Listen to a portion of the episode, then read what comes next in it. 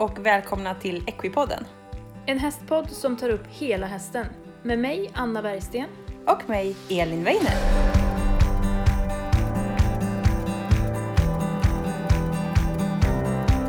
Hej på er och välkomna till veckans avsnitt av Equipodden.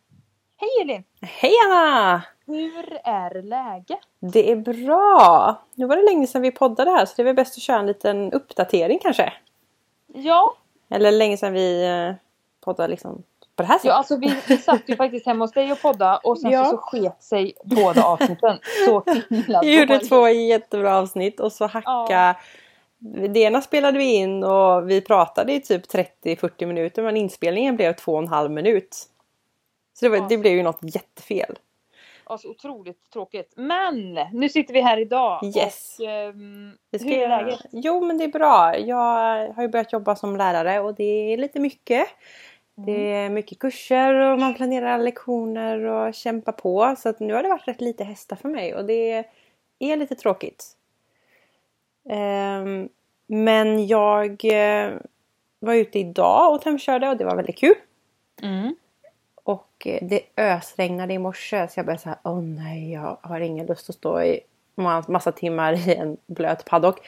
Men det har faktiskt hållit uppe och var jättefint väder och jättebra underlag så att eh, tur för mig.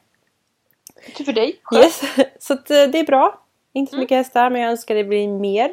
Men med dig, för det har det hänt rätt mycket de sista... Ja, alltså du veckan. har ju inte så mycket hästar och jag har ju hästar ända upp till hårfästet kan man säga. Det var för många.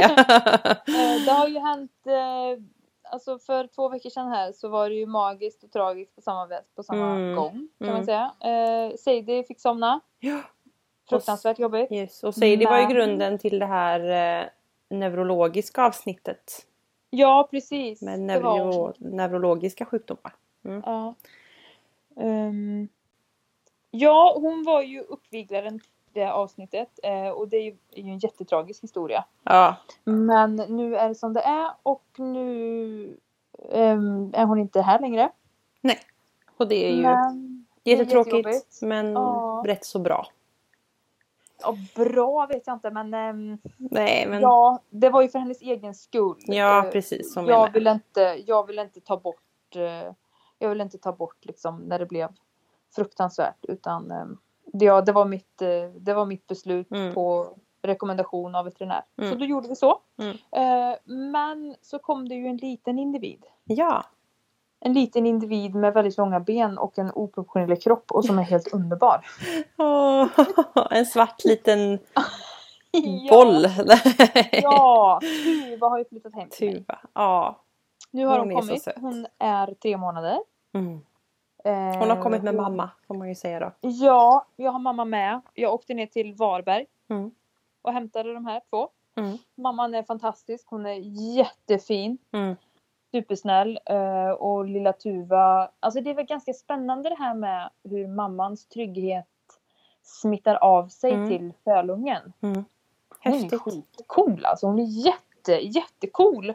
Nej, fräckt. Hon- Ja, hon... ehm, alltså, jag har inte haft en fölunge förut så att jag eh, kanske inte ska dra alla cylindrar här. Jag vet inte om det är någon av er som har väldigt mycket erfarenhet av fölungar och hur de brukar eller hur de beter sig. Så får ni jättegärna höra av er. Men hon är extremt social. Mm. Ehm, hon eh, kommer direkt, hon skriker när man ropar på henne och så kommer hon Mm. direkt. Hon är som en liten plåsterlapp och tyck Ja. om mig, tyck om mig. Ja. Och eh, hon bor ju hos mig. Det kanske vi ska ta bakgrunden till att hon Ja. bor hos mig. Precis. Det var ju så här att eh, Maxi, den Mm. här stora skimmeltravaren, Mm. flyttade ju hem till mig här nu. Och hon är inte min. Utan hon är eh, andelsägd. Mm. utav några andra som har köpt henne och satt henne hos mig. Mm. Och när jag var nere och hämtade Maxi då gick jag in i den hagen och då kom den här lilla apungen, lilla Tuva. som var supersocial. Jag bara oj, vem är det här? Och då berättade de lite om henne om att hon hade fötts med ett bakben som eh, inte... Hon hade fötts med en okorrekt benställning på Mm. grund av att hon hade legat för trångt. Just det, i magen. Precis. Så de hade grejat med henne och de som jag hämtade Maxi hos, Mm. ett hovslagarpar Jaha, coolt. Ja. och som har gett eh, den här lilla fölungen helt rätt förutsättningar från början faktiskt med sina ben och gjort ett jättefint jobb. Jättefint. Häftigt. Ja, så de har plastat och skott och grejat och hon är nästan helt korrekt nu. Häftigt. Ja. Så- Men då... Så tanken är väl att hon ska vara hos dig och få väl de bästa förutsättningarna. För hon ska också Ja. bli travare. Eller hon ska också bli en Precis. travstjärna. Det är en liten travtjej. Mm. Eh, och eh, hon... ehm, hon... ehm, jag vet inte riktigt eh, vad deras plan var med henne men men då sa jag, då ringde jag upp efter någon vecka sådär när Maxi, när jag hade liksom sett lärt känna Maxi lite grann och sett lite Mm. vilken kapacitet hon hade. Eh, För det här lilla Tuva är alltså Maxis halvsyster. Mm. De har samma mamma Mhm. men olika papper.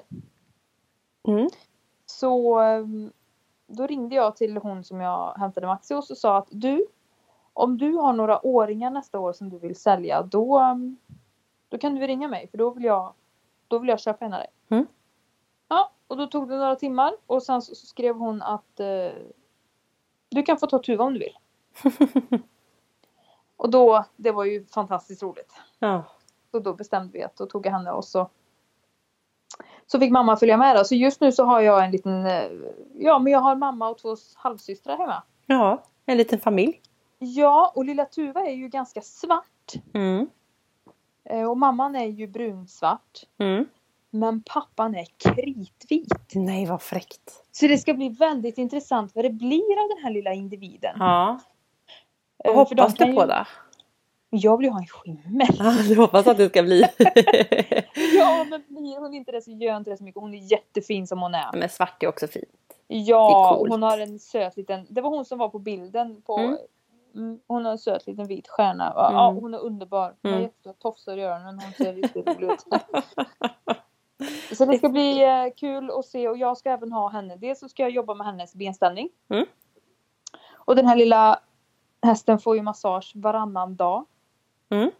På de områden som är lite ansträngt för henne. Just det, för att det ska hjälpa att hålla benen på rätt plats va? Ja, och det är så himla häftigt för att när hon har fått massage i 10 minuter på rätt ställe Ja. då står hon helt annorlunda. Ja, vad häftigt. Det är skithäftigt och det är jätteroligt att jobba med henne. Ja. Så nu har hon ju lärt sig det. Så när man kommer ut i hagen då, då skriker hon och så kommer hon. Och så luktar hon lite på det och så, så bara "Sju!" får en svart rumpa i magen för att hon bara jag vet vad du brukar göra med mig. Hallå, klia här bak! Där Ja. bak! Ja, hon är supergod. Jag hoppas inte jag kommer få sota för att hon gör så när hon blir stor sen. Ja just det, det kan ju bli. Det är helt okej när de är i den där nivån Ja. då men kanske lite jobbigare när de är 1-2 och typ 1,70. Ja, för hon kommer bli jättestor. Ja, gud. Så att där är lite uppdateringen hos mig. Mm. Mm, Fullt ös, medvetslös. Ja, precis. Och just nu så sitter jag på uppdatering på ATG här för Ville springer lopp idag. Superspännande. Och han har ju tagit två raka nu. Gud vad kul. Mm. Så får vi se vad som händer idag. Ja. Superspännande. Mm. Men eh, ska vi rulla över lite på dagens tema då?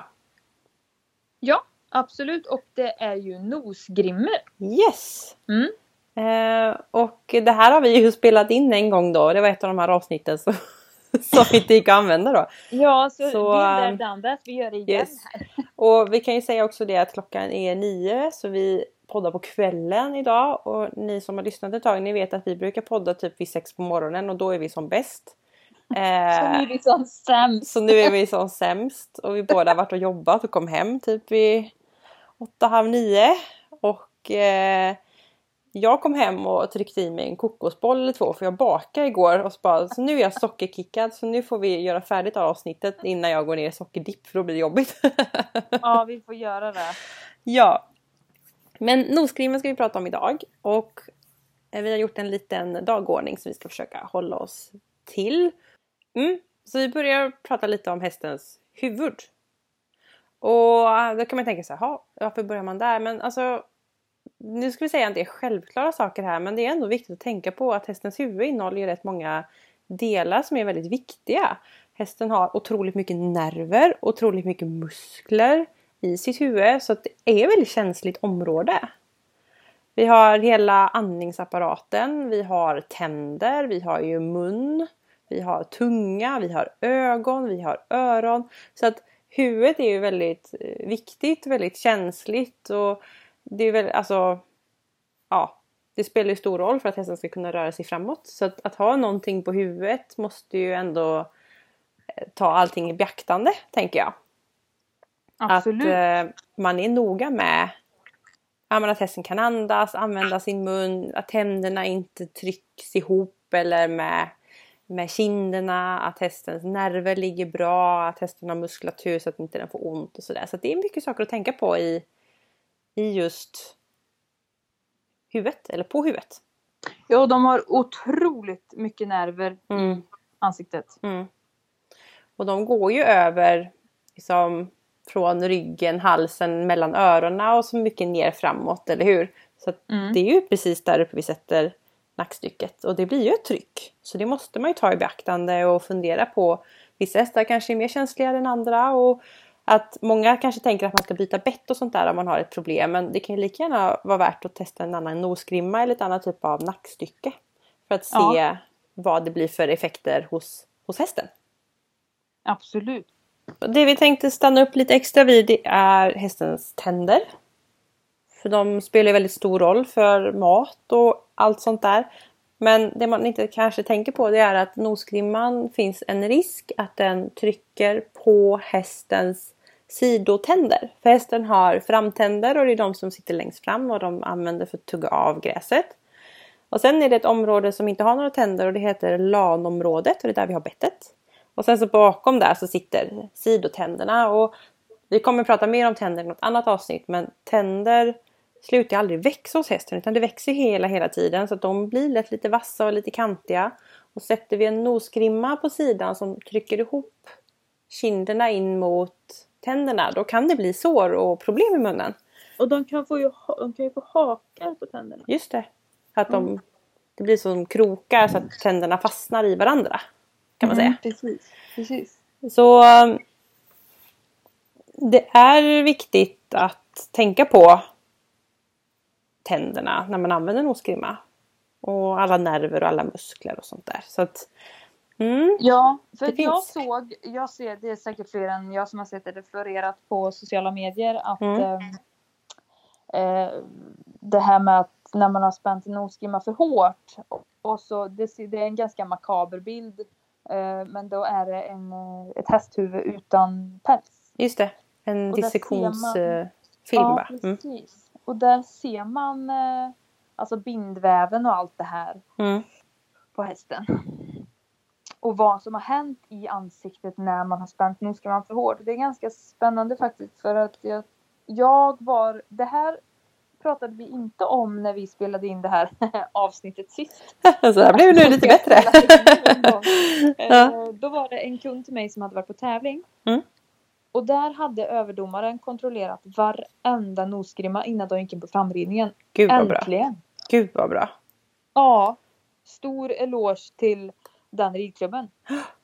Det Mm. behövs på alla nivåer tror jag. Man gör det nog Jag mycket säger på... vilken ridklubb det är. Ja det kan vi göra. Ja, det var Töreboda. Grymt jobbat Töreboda ridklubb. Mm, bra gjort, verkligen. Mer sånt behövs. För man Mm, gör ju alltid det på absolut. de stora mästerskapen. Men det är ju på alla hästar har väl värda att ha en bra satt nosgrimma.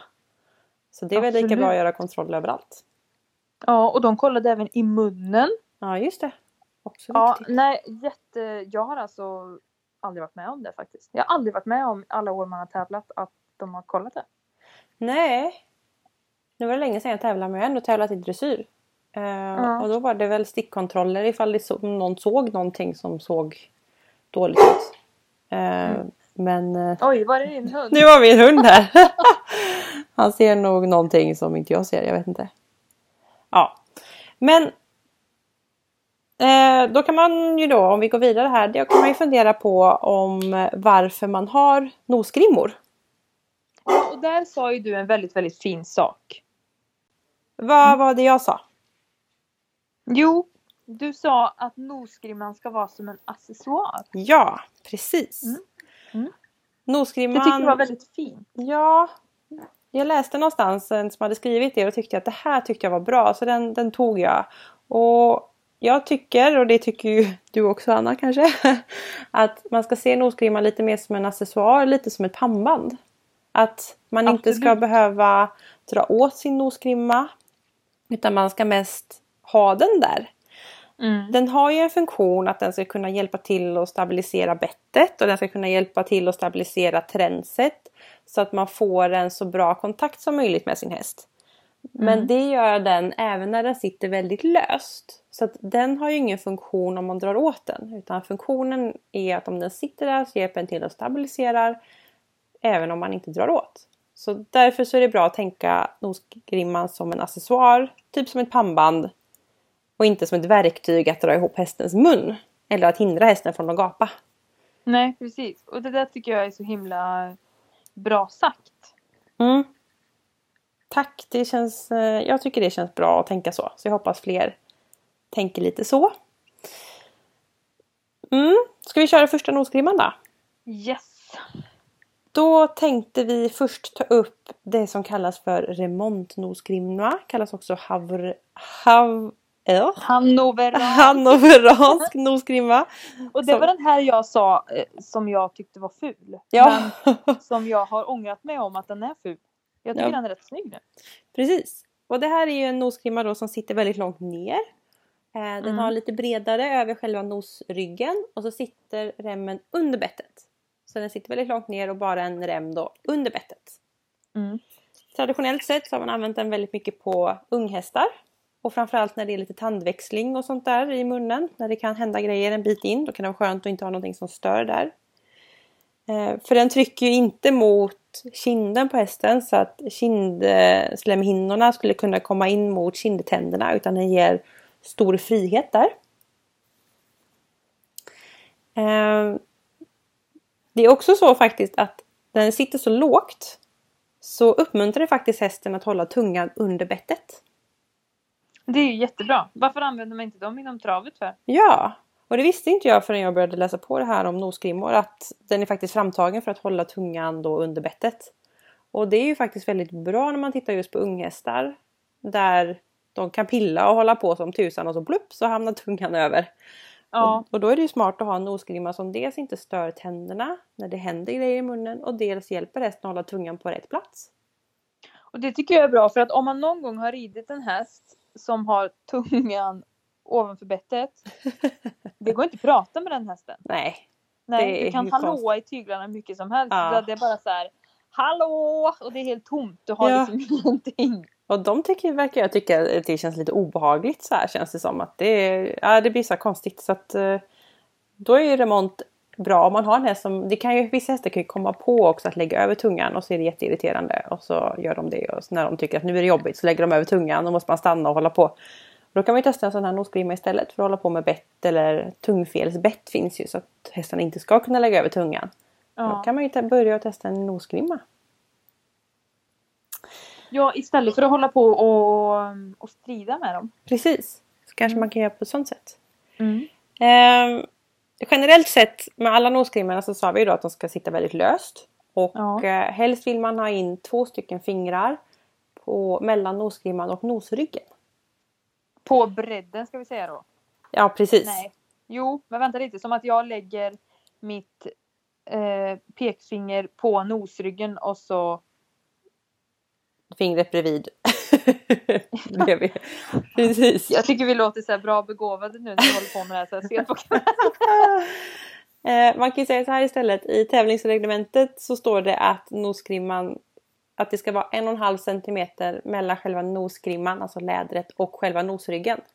Mm. En och en halv centimeter har ju alla någon typ av uppfattning över hur, hur, eh, Ja. hur långt det är. Ungefär två fingrar bredd. Ja. Men just när man tillpassar remontnosgrimman så är det viktigt att tänka på just att den sitter väldigt löst. För i och med att den sitter så långt ner så hamnar den väldigt nära näsborrarna. Och om man tänker sig nosryggen så går ju den ner och så kommer näsborrarna och vid sidan av nosryggen är det ju lite mjukt för där går ju själva luftvägarna.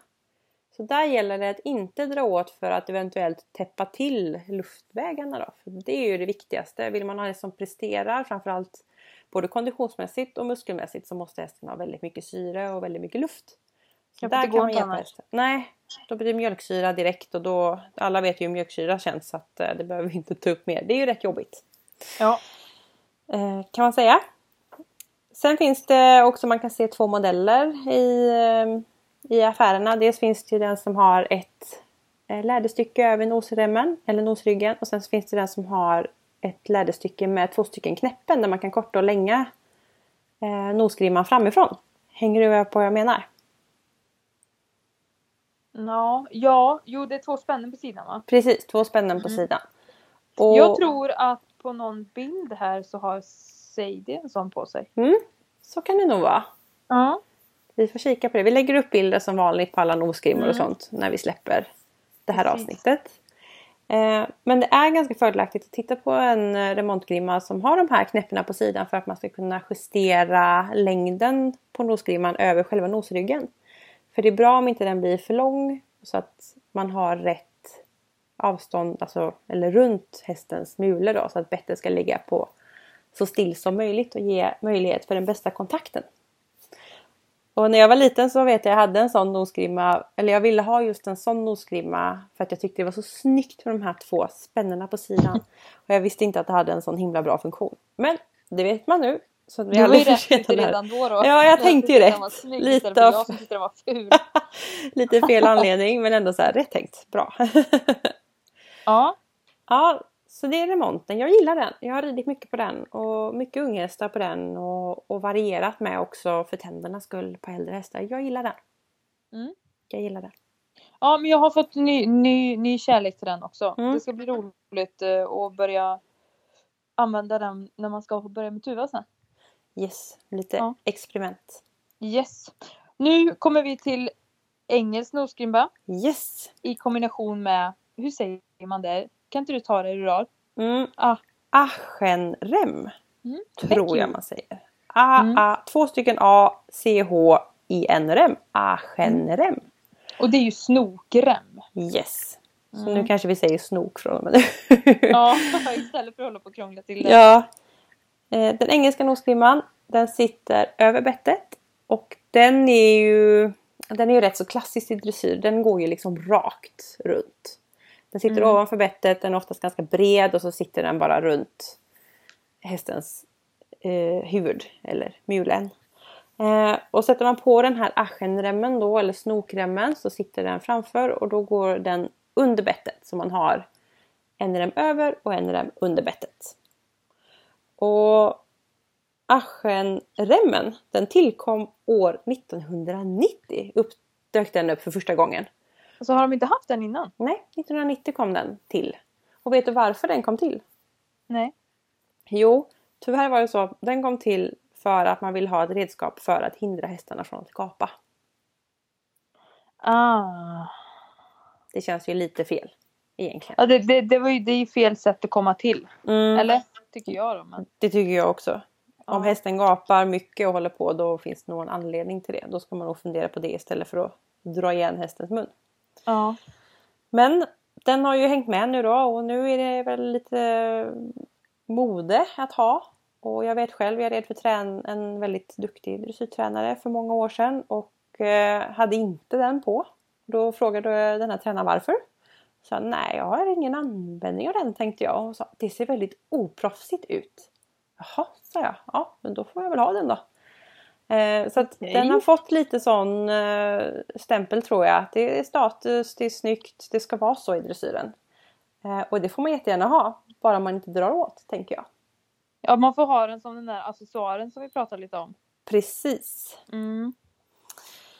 Eh, traditionellt sett så har man använt den engelska nosgrimman eh, efter man har gått igenom grundutbildningen hos hästen. Alltså att man börjar med remontgrimman och sen går man över lite mer då till den här engelska nosgrimman. Mm. Eh, man sätter den över bettet och jag tycker att den dominerar. Jag tycker de flesta hästarna har en sån. Eller vad tycker du? Ja, det håller jag med om. Det är många som har den och den finns. Eh, jag vet inte, jag har sett att man sätter den både väldigt, väldigt, väldigt högt upp Mm. precis under de här knölarna som hästen har. Yes. Ja. Ehm, och, men jag har även sett att man sätter den längre ner. Mm. Och det beror ju lite på också hur hästen ser ut. Mm. Om den har en, ehm, alltså det här låter ju supertöntigt men om den har eh, höga mungipor eller låga mungipor. Jag, Ja, precis. Jag måste säga det så för att det ska bli liksom Ja. målande. Ja, hur mycket plats det är där mellan knölan Ja, och mungipan. Ja, och man, men jag, jag håller med om att den, den dominerar trendsvärlden. Mm. Mm, Och nu absolut. finns det ju väldigt mycket Den har ju blivit väldigt mycket accessoar i form av att de oftast blingar eller de är lackade eller det är krokodilmönster och det är olika foder och de är breda och tjocka och, och grejer. Så det är mycket mode på dem också. Eh, Och det är ju egentligen Ja. rätt så kul att det finns. Men eh, då ska det vara en accessoar också så man inte drar åt den. Gud vad vi tjatar om det. Men det känns viktigt. Ja men det är viktigt för att den kan påverka så mycket mer än vad man tror. Mm. Och att bara ett nosgrimmebyte kan göra jätteskillnad hos en häst istället för ett bettbyte till exempel. Värt att testa. Mm. Där återigen då två fingrar mellan nosryggen och nosgrimman. Och Jag ska också säga en till sak. Ja. Ursäkta att jag avbryter dig. nej, gör Men inget. Det finns ju ett märke, jag säger inte vilket, eh, som har rep. Eller det finns flera olika märken som har liksom Ja, som just rep. det. Just det. De är ju skitsnygga, tycker jag. Ja. Ehm, men de är ju också väldigt viktigt. Som precis som alla andra att inte Mm. dra åt. Men de Mm. blir ju väldigt, väldigt vassa alltså. Mm, Om man råkar dra åt för hårt. precis. För då blir det ju en väldigt, alltså desto bredare än någonting är desto större anläggningsyta desto mer fördelas ju trycket. Och har man ett rep så är det ganska smalt. Ja, Eh, Eller att den och är det rund. blir ju väldigt skarpt liksom.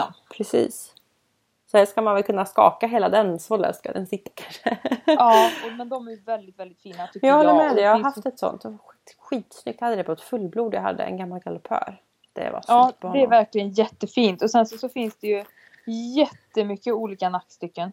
Ja, Hur mycket som helst. ja. Men det är inte nackstycken vi ska prata om nu utan det är nosgrimmer. Yes. Mm. Så, och jag ska berätta en sak också.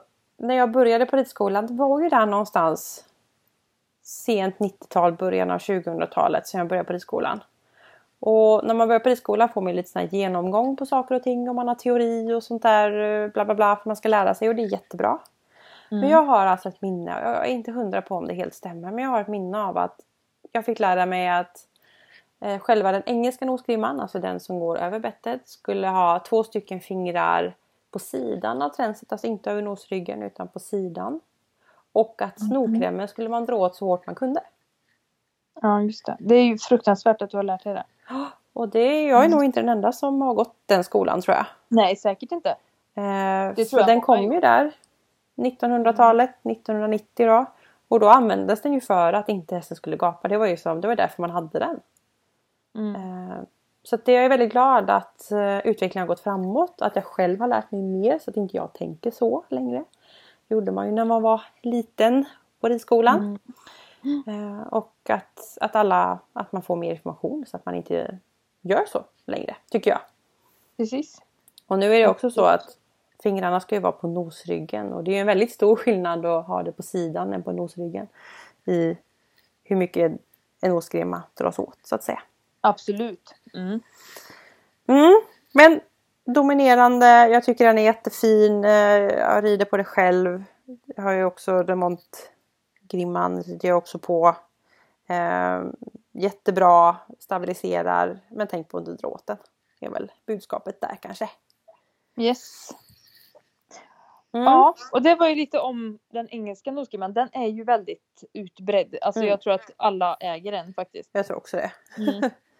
Men sen så har vi en som är, eh, har varit min favorit väldigt länge. Mm. Eh, Och det är mexikansk pullernosgrimma. Ja, jag tycker också den är, jag har också haft den. Den är, Mm. den är fräck. Den är jättefin. eh, Och, men den har ju också en ganska så spännande funktion. Ja. Ska vi börja med att beskriva hur den ser ut? Mm. Ehm, då ska vi se om vi får ihop det här bra. Men den här är som ett kors över själva nosryggen. Så nosryggen har man en läderplatta. Och Som en klump. ja, Ja. precis. Kan vara lite utsmyckad också. Gud vad pedagogiskt. Klockan är för mycket nu. eh, och sen har man en rem som går över bettet rätt högt upp och då går den ovanför den här knölen vi pratade om på sidan av hästens huvud. Ja. Och sen har man en rem som går under. Så tittar man nästan framifrån så ser det ut som att den har ett kors över nosryggen. Precis. Det finns ju bild också på vår Instagram och Facebook, Mm. Equipodden, man kan gå in och titta. Mm. Har se- känner säkert igen den när ni får se bild på den, för den är lite populär. Och den här nosgrimman, den är framtagen för att ge det absolut mesta stabiliteten av bettet och tränset. Den belastar inte alls samma områden som någon av de andra nosgrimmorna. Det finns ingen risk att tänderna trycks eftersom att den här övre remmen går så pass högt upp.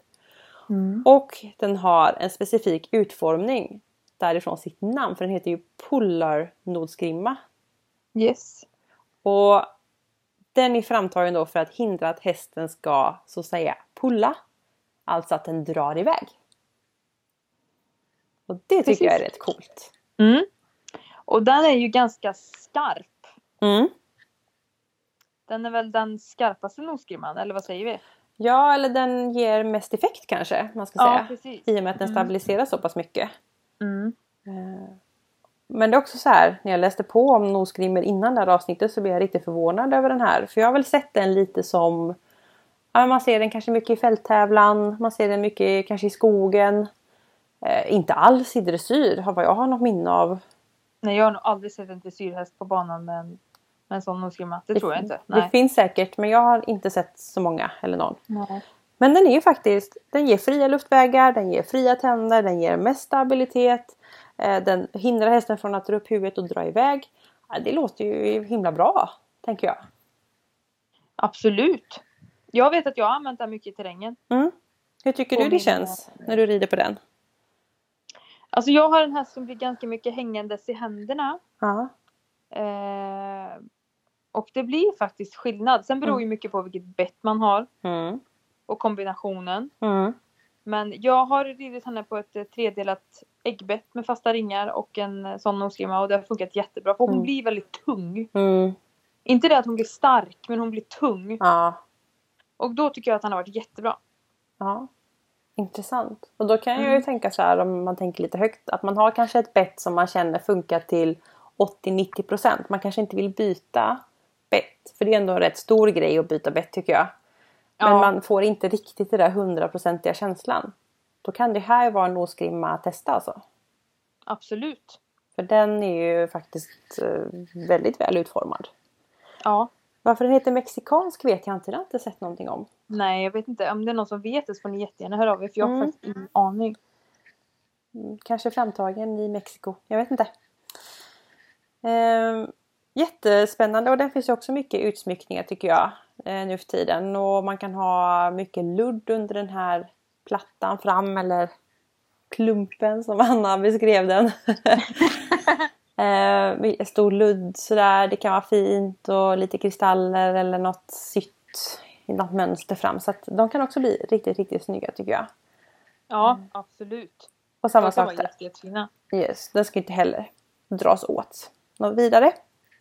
Nej, ingen av dem ska dras åt något vidare. Nej. Så det var egentligen de nosgrimmorna vi tänkte ta upp. Eh, sen finns ju såklart om man tittar lite mer på alltså sidepull och sånt där. Men det är ju mer ett trends tänker vi, ett eh, bettlöst trends. Så det kommer vi avhandla i något annat avsnitt. Eh, Ja, det är ju och hackamåret har vi också där och allt sånt. Så Yes. nej men det tar vi i ett vi kan ju ta någon, ett trendsavsnitt. Ni kanske har några förslag på vad ni vill veta. Just det. Eh, vi kommer väl gå igenom lite olika typer av anatomiska nackstycken. Mm, Var och hur och varför mm, och när. Mm, Ehm, ja, mm.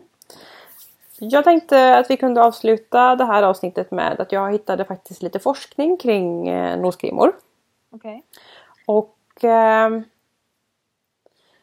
2017 så Mm. gjordes det en studie eh, på hur hårt nosgrimmor dras. Jag kommer inte ihåg riktigt hur många hästar man testade på men det var rätt många hästar som man undersökte. Och då visade det sig... 2017? 2017 ja. Ja. Och då visade det sig att 44% av de hästarna som man undersökte hade för hårt dragna nosgrimmor. Ja. Det är nästan hälften. ja. Och Det, ja, det är inte bra. nej, det är en alldeles för hög siffra tycker jag. Mm, Och- Absolut. det man drog som slutsats i det, för man test, gjorde tester också på de här hästarna med att mäta deras välmående så såg man att välmåendet påverkades negativt både fysiskt och psykiskt. Eh, Så att hästarna kunde inte prestera riktigt som de kunde för att de var lite ledsna och deppiga för de tyckte det gjorde ont och de fick också fysiska förändringar i huvudet. Eller att Mm. man såg att det blev en skillnad. Mm. Och en annan intressant slutsats som de också drog, som jag tycker är väldigt viktigt att belysa, det är att just i dressyren, som är en bedömningssport, så straffas ryttaren ifall hästen gapar. Och det gör man ju. Ifall den dressyrdomare ser att hästen gapar väldigt mycket, då kommer ju den att få lägre poäng eller poängavdrag. Mm. Och hur duktigt det än går så kan det bli så. Och där borde ju ryttaren gå till sig själv och fundera varför hästen gapar. Men uppenbarligen, i och med att det är 44% som har dragit åt nosgrimman för hårt, så finns det ryttare som tar en genväg. Och istället för att tänka varför hästen gapar så drar man åt nosgrimman för att man inte ska få avdrag i dressyren. Det är förskräckligt. Mm. Och det var en sak man tog upp i den här artikeln att dressyr, liksom den här bedömningen i dressyr har liksom fram eller orsakat det här ett problem. Ja. Eller såklart det är en del i det problemet att man blir straffad om hästen gapar. Ja. Och att det anses vara fult att hästen gapar. Eh, och att man då inte vill att det ska synas. Eh, och det är väl också sådär att man ser då att 1990 att den här aschenremmen kom till, eller snokremmen. Och att den hade som funktion att, att hästen inte skulle gapa. Så att här eh, har ju dressyren kanske misslyckats lite grann. Eh, hur, eh, hur man fostrar sina ryttare till, eller hur man premierar sina ryttare att vinna. Eh, det tycker jag är en väldigt tank, en sak att tänka på faktiskt. Absolut, för att jag menar det, det, bara kamouflerar ju problemet ifall man drar åt och hästen fortsätter gapa. Man Mm. måste gå till botten utav varför och kolla upp Mm. händer och kanske välja en annan väg att ta. Ja, Eller kanske man precis. ska välja en annan väg att ta. Och det kan ju vara något enkelt att hitta som man behöver eh, åtgärda. Eller hitta, som du säger, en annan väg, ett annat sätt att rida, ett annat bett. En annan nosgrimma som kanske funkar bättre för hästen. Att det är någonting som skapar en obehag. Eh, och inte bara tänka att man ska vinna. Precis. Mm. Sen, Det tyckte jag var en... Mm. Mm. Nej, fortsätt. Nej men det var inget. Nej, då kör vi vidare. För efter den här studien 2017 så såg man ju att det fanns fysiska förändringar hos eh, hästar som hade fått nosgrimman för hårt åtdragen. Och då blev det en eh, vidare studie på det som kom 2018 och då röntgade man hästhuvuden som hade haft, eller man röntgade hästhuvudena för att se om man kunde se om en häst hade haft hårt åtdragen nosgrimma och det kunde man se. För de såg skelettförändringar på hästar som har för hårt åtdragna nosgrimmor. Det är ju helt sjukt. Och då ser ju, eller jag tänker så här då, mm, okej skelettförändring, kroppen har byggt extra skelett eh, på ett område som är väldigt utsatt, ett område som behöver förstärkas. Det är ju det den gör när det blir skador och sånt. Mm. Eh, Så här har vi alltså orsakat en skada som kroppen behöver försvara sig emot. Eh, På någonting som egentligen skulle vara en accessoar som hjälper oss att skapa en bra kontakt med hästens bett. Eh, Mm. Det tyckte jag var väldigt tråkig läsning.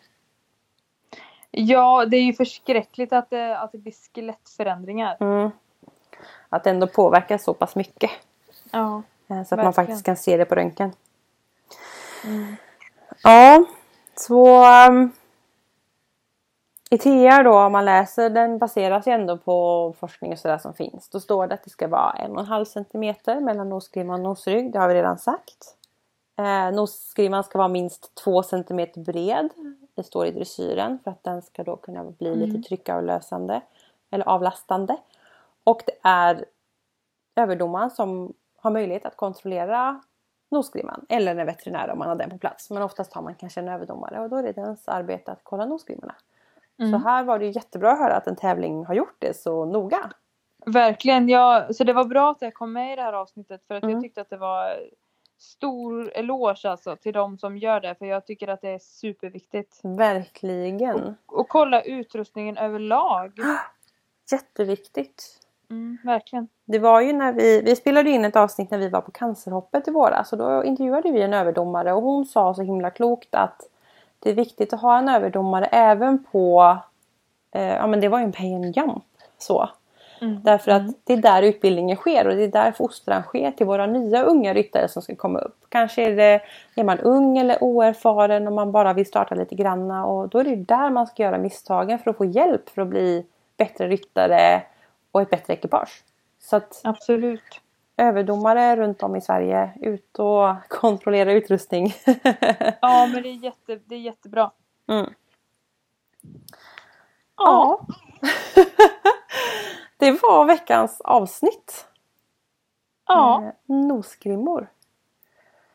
Eh, Och har ni några frågor så finns vi som vanligt på sociala medier. yes. Equipodden eller på info.equipodden.se. Mail, jajamän. Lyssnar man, ni som lyssnar, ni har ju listat ut men vi finns ju överallt. Eh, på Spotify, iTunes, Podbeam, alla andra poddsidor. Om man vill sprida oss. Dela gärna, tagga gärna, kommentera gärna och skicka frågor, skicka förslag på ämnen.